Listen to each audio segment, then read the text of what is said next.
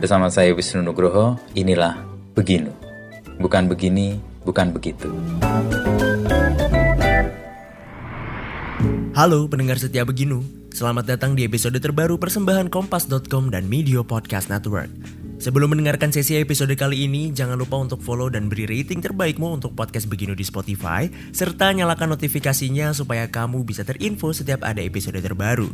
Jangan lupa juga untuk follow Instagram dan TikTok kami di @medio by KG Media. Di episode ini, kita akan menyelami kisah Safik Ali, seorang aktivis dan tokoh Nahdlatul Ulama. Bincang-bincang Wisnu Nugroho dengan Safik Ali bercerita tentang perannya di Nahdlatul Ulama. Safik juga menjelaskan bagaimana posisi NU kepada politik di negara ini. Kemudian, Safik mengutarakan pandangannya soal isu tiga periode dan imbasnya untuk stabilitas politik negara. Yuk, langsung saja kita dengarkan lebih lanjut. Jumpa lagi bersama saya Aiman Wicaksono. Izinkan saya untuk berbagi cerita menarik dan berkesan selama penggarapan program Aiman Kompas TV yang belum pernah saya ceritakan sebelumnya. Eksklusif di podcast Aiman. Dipersembahkan oleh Medio by KG Media, siniar cerdas tanpa batas. Eksklusif di Spotify dan YouTube Trusty Official.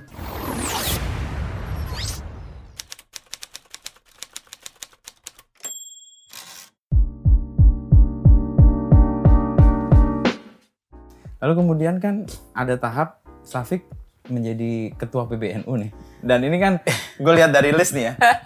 Ini nggak ada gelar agama, nggak ada gelar akademis, paling muda, awet-awet. Itu Iya, gimana iya, ceritanya? iya. sampai Saya itu? kayaknya satu-satunya ketua yang di depan namanya nggak ada apa-apanya dan di belakangnya nggak ada.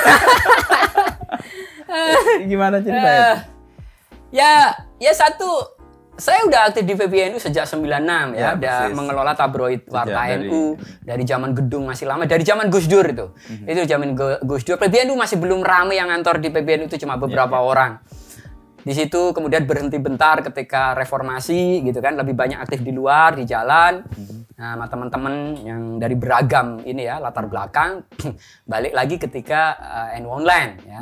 Nah, di situ sejak saat itu praktis saya memang tidak pernah absen gitu ya, tidak pernah non aktif dari membantu uh, NU dan berkantornya juga di gedung PBNU. Jadi saya selalu ikut dinamikanya uh, dan saya ya lumayan paham gitu kan. Uh, uh, dinamika di internal organisasi maupun di luar di situ. Dan kemarin ya ketika muktamar uh, Mas Yahya atau Gus Yahya Nah, itu memutuskan untuk maju, nah gitu, itu juga termasuk ya, yang ngobrol-ngobrol gitu. Saya juga seneng ketika Gus Yahya memutuskan maju karena menurut saya ya, ya perlu ada regenerasi di sekarang ada banyak banyak sekali generasi-generasi baru di NU, generasi muda NU yang mungkin cara berpikirnya sudah berbeda, kacamatanya, cara pandangnya juga sudah berbeda. Saya kira butuh ketua yang saya kira memang lebih paham terhadap perubahan-perubahan yang tidak pasti ini, nah, di yang, yang lebih antisipatif. Dan saya kenal Mah Yahya cukup lama, ya kan, dan diskusi cukup sering gitu kan, cukup sering ngobrol gitu.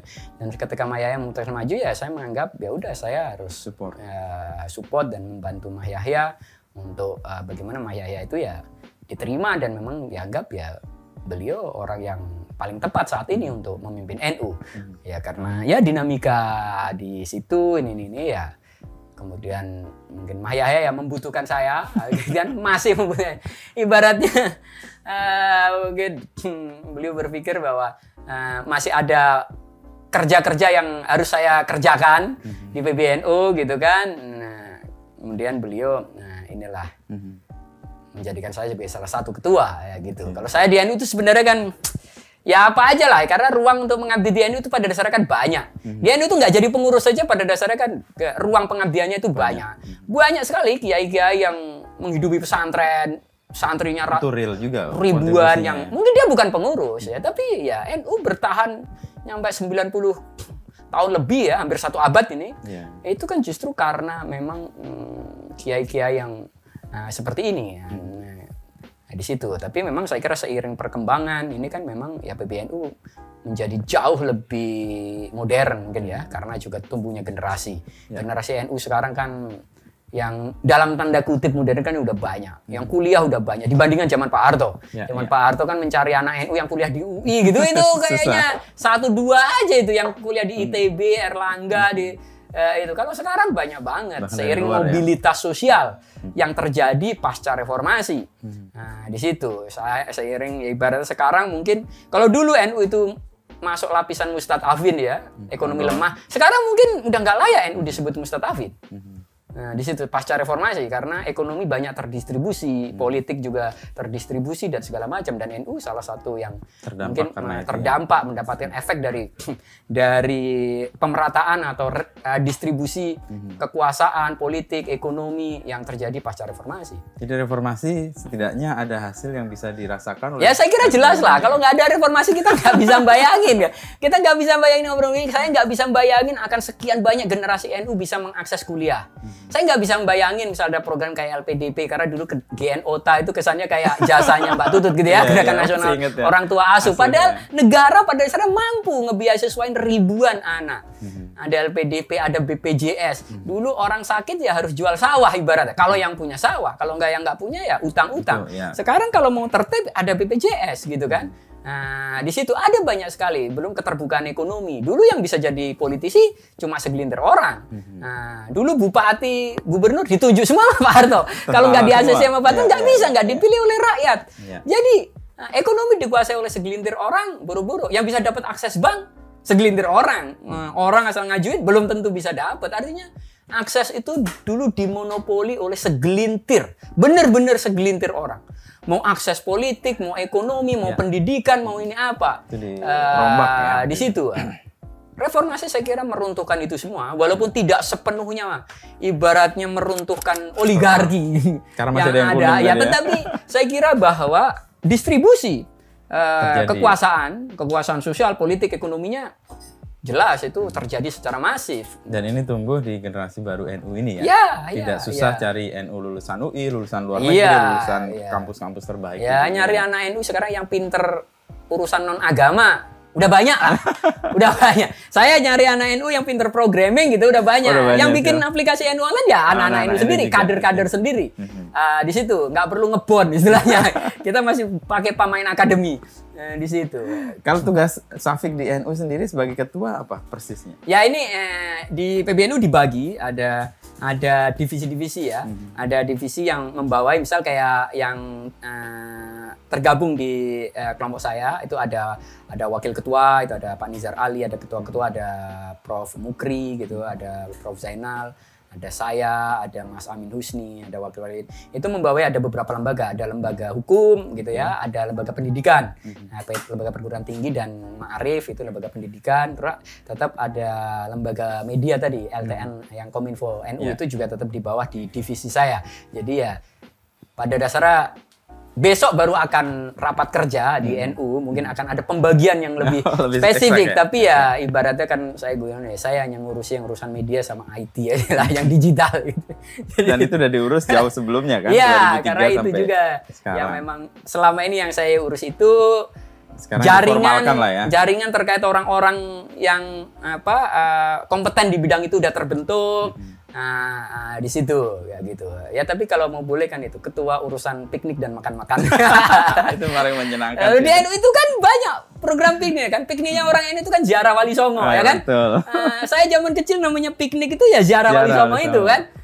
Gresik, zia- ziarah makam Kudu, ya ya, itu ya. pikniknya. Lalu makan-makan di NU banyak. Ada tahlilan, ada mauludan, isinya makan semua kan. Solawatan doa termakan-makan. Jadi ini saya bilang kalau ditanya saya ketua urusan piknik dan makan-makan. Tapi ini ya, terakhir kan soal ini, Safik, eh, PBNU itu kan kayak terseret ke politik ya. Apalagi isu soal tiga periode gitu ya. Kayak memberi angin lalu Safik gimana? Ya, saya kira sih tidak ya. Saya kira eh, apa eh, Gus Yahya saya kira punya eh, beliau orang yang eh, cukup lama sama Gus Dur artinya beliau juga hitungannya aktivis ya. Saya kira sangat paham dalam konteks eh, prinsip-prinsip eh, bagaimana demokrasi itu bisa tegak dipengaruhi apa aja. Saya kira beliau sangat paham tetapi Ya, saya kira ada faktor bahwa ya saya nggak tahu persis waktu itu. Mungkin kan kontak wartawan, doorstop, Bertanya, kadang ya. nanya kan wartawan selalu nanya peristiwa-peristiwa aktual Hmm. untuk ditanyakan ke tokoh-tokoh ya ditanya ya mungkin ya memang beliau mungkin tidak tidak dalam posisi juga yang ibaratnya eh, bisa mengatakan oh nggak bisa kayak gitu-gitu. Jadi saya kira itu ya statement yang ya mungkin dianggap memberi angin dikit gitu ya. Eh, Tetapi kan cuma posisinya ya terkait usulan itu eh, dengan argumennya ya oke dianggap masuk akal. Tapi kan eh, saya kira tidak dalam posisi berarti mendukung. Nah di situ. eh, Ya, dan itu memang saya kira kan karena isu terkait yang sangat sensitif ya urusan pemilu, Ya, ya. artinya perpanjangan masa jabatan presiden. Ini kan isu sensitif ya yang statement ketua PBNU ya pasti itu akan tanggapan dari eh, banyak orang. Tetapi kan ini Gus Yahya kan juga belum berstatement lagi. Resmi ya. Eh, berstatement lagi artinya tidak ada wawancara panjang terkait pandangan Gus eh, Gus Yahya terkait isu pemilu terkait ya, di situ. Tapi kan yang jelas bahwa komitmennya Gus Yahya ini kan tidak ingin membawa NU terlalu terseret politik. Nah, agar tidak terseret politik ya pertama adalah tidak membolehkan pengurus PBNU untuk maju sebagai presiden maupun wakil presiden. Oh, itu clear ya. Nah, itu clear dari sebelum muktamar bahwa tidak akan mengizinkan pengurus PBNU termasuk dirinya sendiri ya maju sebagai presiden atau nyari-nyari peluang gitu untuk dicalonkan. Enggak, itu udah pintu itu udah tertutup. Itu belajar dari pengalaman sebelumnya ya. Iya, Karena itu sering dipakai. Iya, ya. karena uh, betul karena itu akan uh, menyeret uh, NU benar-benar dalam pusaran. Hmm, Nah, di situ. Pertama yang dilakukan kan itu. Yang kedua, Gus Yahya ini pengen memperkuat NU di dalam, ya. Nah, jadi penguatan interorganisasi, penguatan internal. Makanya sekarang misal kita dengar misal banyak sekali PBNU itu kerjasama. Mungkin sementara memang kerjasama sama pemerintah. Ya. Tapi terkait proyek-proyek yang kita anggap bisa dibawa ke bawah, ke grassroots. Seperti replanting sawit, ya, gitu. Replanting sawit. Tapi ini yang memperkuat eh, sawit rakyat pada dasarnya. Selama ini kan sawit itu didominasi korporasi. korporasi, pemainnya. Bener-bener. Nah, dengan ini PBNU pengen bagaimana eh, sawit rakyat ini porsinya naik. Nah, PBNU kerjasama dan itu diberikan ke petani-petani di jaringan Nahdien di level grassroots, bukan oleh PBNU Ya, yang ya, ngambil. Yang mendapatkan kemanfaatan adalah grassroots Nahdien. Atau jaringan Nahdien. Kemudian ada kerjasama la- eh, lagi gitu kan, eh, apa eh, terkait lingkungan hidup, eh, gitu kan. Nah, itu juga sama semangatnya kan juga merawat alam kan, Ya, gitu kan. Nah di situ, nah semangatnya juga ini agar menggerakkan jaringan di bawah. Jadi memang pengen membawa program-program ke cabang-cabang, ke kabupaten atau bahkan kecamatan atau ke desa-desa. Tapi ini kan Langsung baru, ya. ini kan baru beberapa bulan. Artinya kita ini kayak piloting juga. Kita pengen lihat, kita pengen lihat model yang dibangun oleh PBNU ini bisa jalan atau tidak di lapangan. Kalau bisa jalan ya itu uh, Oke, dilanjut. Oke, jadi memang orientasinya penataan internal, memperkuat, apalagi tema muktamar kemarin kan juga urusannya kemandirian. NU ini organisasi besar yang pada dasarnya sebenarnya kalau warganya pesantren ya mandiri. Pesantren kan dibangun umumnya kan ya dari kiainya sendiri, kemudian dapat tambahan wakaf, dan ini saya kira duit negara yang membantu di situ kan nggak gede banget, apalagi zaman Pak Harto lah nggak ada. Nah, di situ pada dasarnya ya NU mungkin mandiri tapi belum cukup kuat. Kalau urusannya mandiri sih mandiri gitu kan. tapi nggak cukup Urus- kuat ah, tadi tapi tidak cukup kuat. Artinya ketika ada persoalan dikit, ada krisis dikit, kerasa banget. Ada apa dikit, wah ibaratnya keluarga bayar kuliah anaknya aja udah nggak bisa gitu kan. Nah istilahnya kayak gitu. Bagaimana ini Dinaikkan levelnya. ah, lebih kuat lagi di sektor itu sama organisasi gitu. Organisasi ya NU ngurusi hampir kepengurusannya di seluruh kecamatan di Indonesia, nah, gitu kan. Kalau nggak bisa dibilang desa, Nah, organisasinya eh, hari ini mungkin eh, masih sangat eh, apa? hmm, masih belum cukup mandiri secara organisasi. Ya, itu yang pengen ditata oleh Gus Yahya. Itu semua nggak akan bisa kalau semua ikut dinamika politik yang urusannya adalah eh, kekuasaan mendapatkan suara. Mhm. Yang tidak diinginkan gue adalah gue saya nggak pengen NU itu selalu dijadikan vote getter, mesin pendulang suara. Bekerja ikut rame-rame, tapi urusannya untuk nyari suara, bukan bekerja rame-rame untuk memperkuat Dirinya. ekonomi warga, untuk memperkuat dirinya. Itu yang nggak dimaui Maya ya. Selama ini kenapa kerja-kerja nggak terjadi? Ya karena kita terlalu fokus. Kita terlalu menikmati kerja-kerja mendulang suara itu. Karena itu dianggap bargaining politik NU. Tapi padahal itu instan ya dan nggak memberi iya, dampak yang dampaknya nyata. pada warga NU masih bisa dihitung kalau ditanya gitu kan. Nah, kalau ditanya eh, apa dampaknya seberapa besar ya? Mungkin banyak warga NU mengatakan nggak besar-besar amat. Itu yang pengen diubah. Jangan sampai NU yang memang jaringannya luas ini, warganya puluhan juta ini hanya rame-rame kalau urusan mencari suara. Bagaimana kita rame-rame itu ya rame-rame kerja. memandirikan atau Nah, di situ. kemandirian Nah, tadi. betul. Nah, itu itu pengen eh, Goya ya. Makanya dia eh, pengen ditahan. Urusan politik tuh cukup satu dua tiga empat orang lah istilahnya kayak gitu. Yang ngurusin Enggak ini enggak warga-warganya sampai di Nggak bawah. Mhm. diajakin dia ini ini ini. Sementara kita belum eh, dalam posisi yang kakinya cukup kuat ya. Karena pada dasarnya kan memajukan NU ya memajukan Indonesia. Iya. Karena kalau NU tuh bisa membantu menemukan jalan agar warganya makmur ya artinya kan Indonesia kan makmur juga. Indonesia kan eh, tingkat kemiskinannya lebih rendah kan Iya. gitu. Simpelnya begitu. Eh sebagai person ya, sebagai pribadi ya, kalau Safi kan dulu aktivis melihat bahwa kekuasaan harus dibatasi, negara harus diawasi, lalu ada wacana untuk memperpanjang di luar. Ya saya kira eh, ya kalau saya ya jelas tidak setuju. Nah, di situ bahwa pembatasan kekuasaan presiden itu hasil tuntutan masa reformasi Persis, ya. Dan itu ada rujukannya di seluruh dunia gitu. Berdasar pengalaman sejarah banyak bangsa-bangsa yang lain juga. Nah gitu. Bahwa angka berapa tahun itu juga bukan angka untung-untungan juga. Itu juga udah ada banyak studinya ada banyak ini bukan bukan kok ini. Jadi itu adalah hasil reformasi hasil perjuangan banyak orang. Nah, bahwa kekuasaan itu memang tidak pernah merasa cukup. Persis. gitu. Dan dia harus dibatasi. Dan dua kali itu cukup 10 tahun itu cukup untuk kita bisa berbuat atau memang tidak bisa berbuat. Jadi kalau ada wacana perpanjangan, ya menurut saya kita harus menolaknya menurut saya.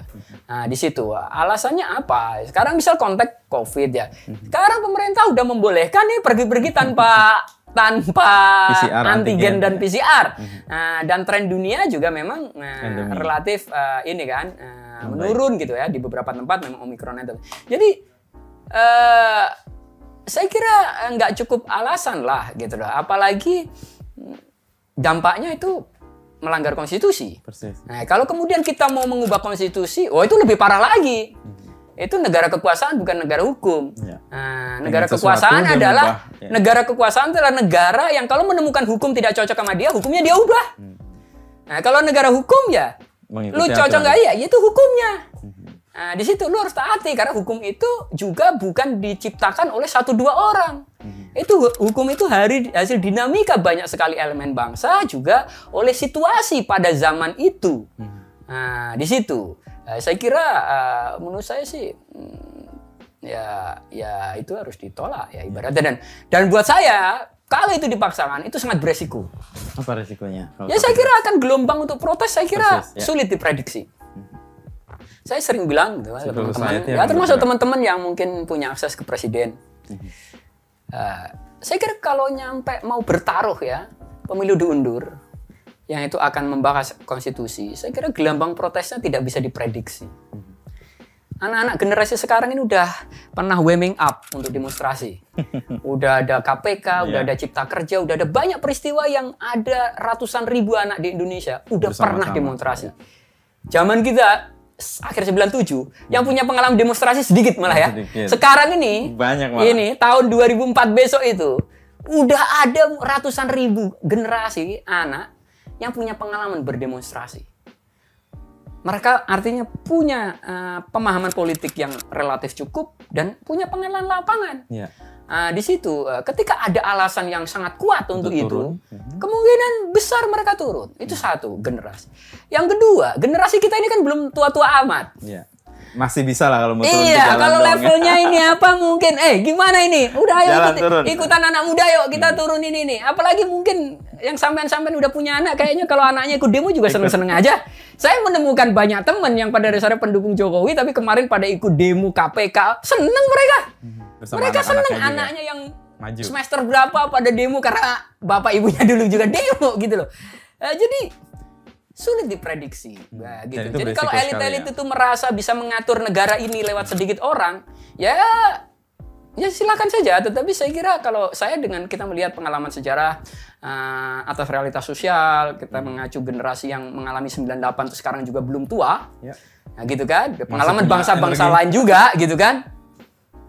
Saya kira saya mereka-mereka yang pede saya bisa mengatakan ya mereka tidak cukup paham laju sejarah mungkin gitu.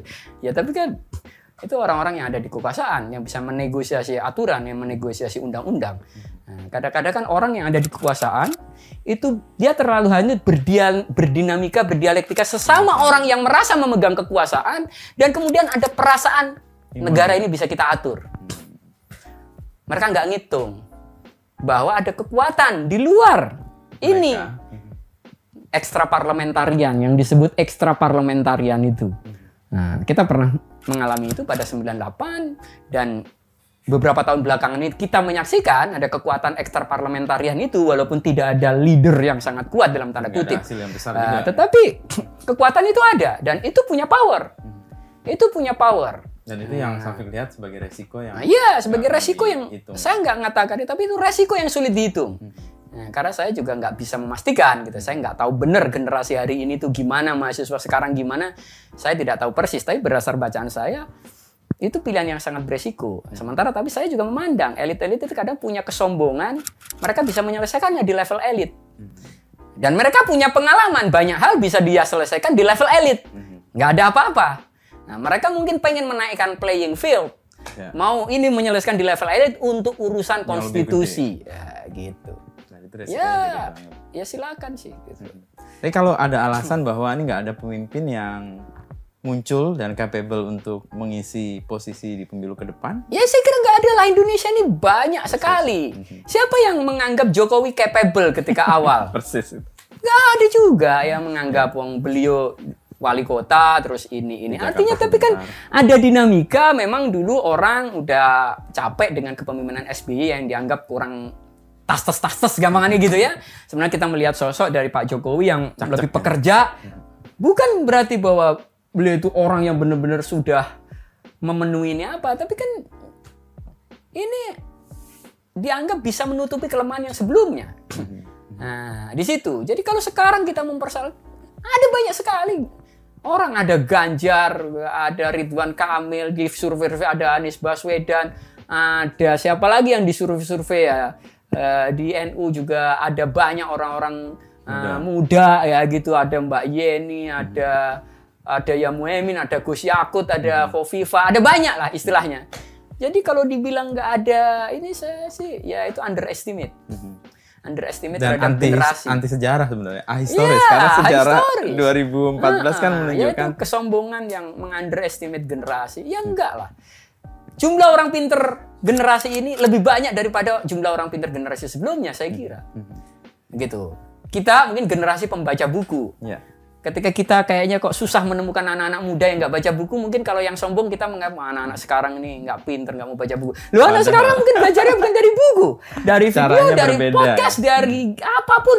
Dan saya menemukan ya mereka baik-baik aja Dan nggak perlu di underestimate mereka juga ya. ah, iya jadi ya nggak bisa lah generasi kan kadang-kadang punya pride-nya sendiri gitu ya Hmm. punya pride-nya sendiri padahal dia juga nggak bisa menyelesaikan semua masalah di umurnya di generasinya gitu loh artinya ya sudah lah kekuasaan sudah ada batasnya 10 tahun itu cukup kalau itu diundur nah itu jadi presiden apa pun bisa diundur di situ Ya. Dan itu negara kekuasaan itu. Iya, dan saya kira negara- negara kekuasaan nggak akan bisa stabil.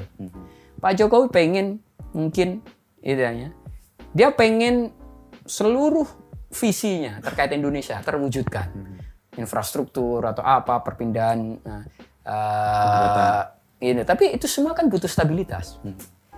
Eh, kalau memang ada ngusul agar itu bisa selesai semua kayaknya kalau 2024 nggak selesai. Kan kalau diperpanjang dikit baru selesai kan gitu kan istilahnya kayak.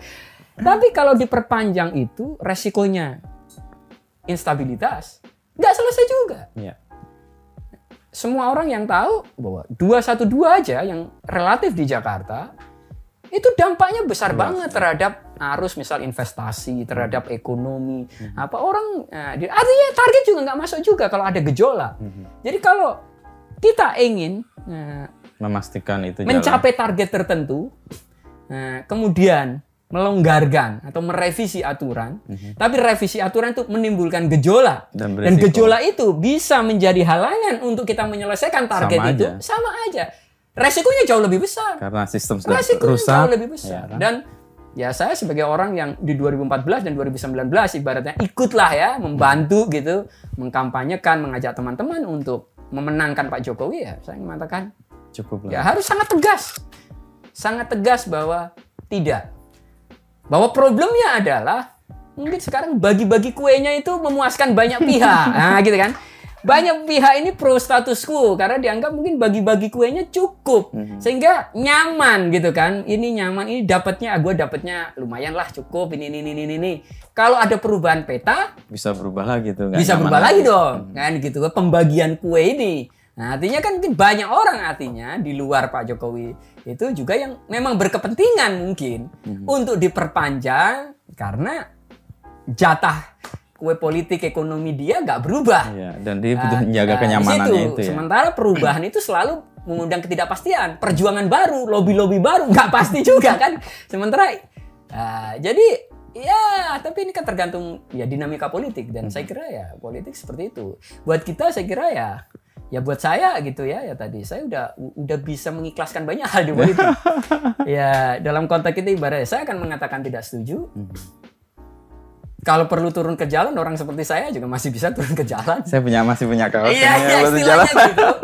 Eh, Iya, tetapi juga bukan bukan yang mm, nyampe memfonser energi yang kemarahan yang gimana, gitu. Karena saya nggak mau juga mm, membebani diri saya terlalu besar atau memukuli diri saya atas kesalahan yang bukan saya yang memperbuatnya gitu. Banyak istilahnya. hal terjadi di luar kendali kita juga ya. Iya, di situ ya. Politik tergantung banyak faktor, tergantung banyak hal ya. Hmm. Nah, kita tidak bisa terlalu optimis tapi juga tidak ter- bisa terlalu fatalis Pesimis, juga. ya. Persis. Politik dipengaruhi oleh tindakan kita masing-masing. Hmm. Gitu loh. Tindakan kita masing-masing. Nah, di situ. Dan tindakan itu berangkat dari sikap kita kan. Ya, Kayak betul. sikap kita tadi anti tiga periode ya Ya. kalau itu terjadi ya kita Betul. perlu ke jalan untuk mewujudkan. Iya betul. Kita mungkin berdua, tapi kalau kita bisa mengajak 20 orang atau orang seperti kita bisa ada sekian sekian sekian bisa berbeda. Nah, artinya di situ. Tapi sekarang memang di situ. Ya saya merasa ada gitu. Orang-orang yang mungkin merasa udah memegang pendulum-pendulum kekuasaan dan merasa bisa mengatur negara ini dengan Oleh mereka. menyelesaikan Mhm. segelintir orang. Dengan membicarakannya hanya dengan beberapa orang.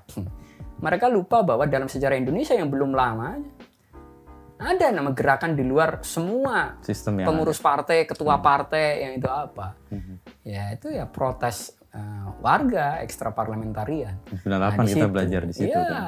Kekuatan yang di luar yang tadinya semua sepakat Ya. ternyata bisa merubuh, merubah dan Betul, merobohkan. betul. Ya saya kira ini kan Pak Jokowi ini terpilih dalam pemilu yang relatif baik. Mhm. Ya harusnya ya berhenti dengan baik ya Mhm. sehingga seluruh pendukungnya juga senang. Mhm. Berterima kasih udah menyelesaikan masa jabatannya sesuai harapan ya. Ada beberapa yang mungkin nggak harapan karena memang dulu ekspektasi itu kan sangat Terlalu tinggi. tinggi. Ya. Ekspektasi tinggi selalu kan. Orang kalau dianggap sangat ideal, pasti ekspektasi publiknya kan Tinggi sangat banget. tinggi. Ya, banyak orang yang nggak bisa mengelola ekspektasi. Tapi ini kan Nah, malah di situ. ruang untuk dia mempas it on ke sesuatu atau seseorang yang Ya. dia percaya atau sistem yang sudah dibangun kan. ya betul ya. Pokoknya kita harus punya komitmen lah. Tidak bermain-main dengan sistem yang udah disepakati banyak orang dan relatif tidak punya masalah Mhm. diterima oleh banyak orang gitu. Ya, jangan menganggap juga kayaknya nggak ada yang Pemimpin yang mumpuni. setara, nggak ada yang ini. Kalau dari sisi itu sih gue ngelihat ini Eh, kesalahan isi- pemimpin justru karena nggak mampu memunculkan Betul, pemimpin baru. iya. Tanggung jawab pemimpin kan sebenarnya ketika Iya. dia habis masa pemimpinannya, dia menghadirkan pemimpin-pemimpin Iya. pemimpin baru. besar melahirkan pemimpin-pemimpin yang lain. Kalau gitu. ini tidak cukup menghadirkan pemimpin besar, saya ragu nih. iya, iya. Terima kasih telah mendengarkan podcast Beginu. Nantikan obrolan Wisnu Nugroho bersama narasumber inspiratif lainnya. Oh iya, jangan lupa juga untuk follow dan nyalakan notifikasi podcast Beginu agar tidak ketinggalan episode selanjutnya ya.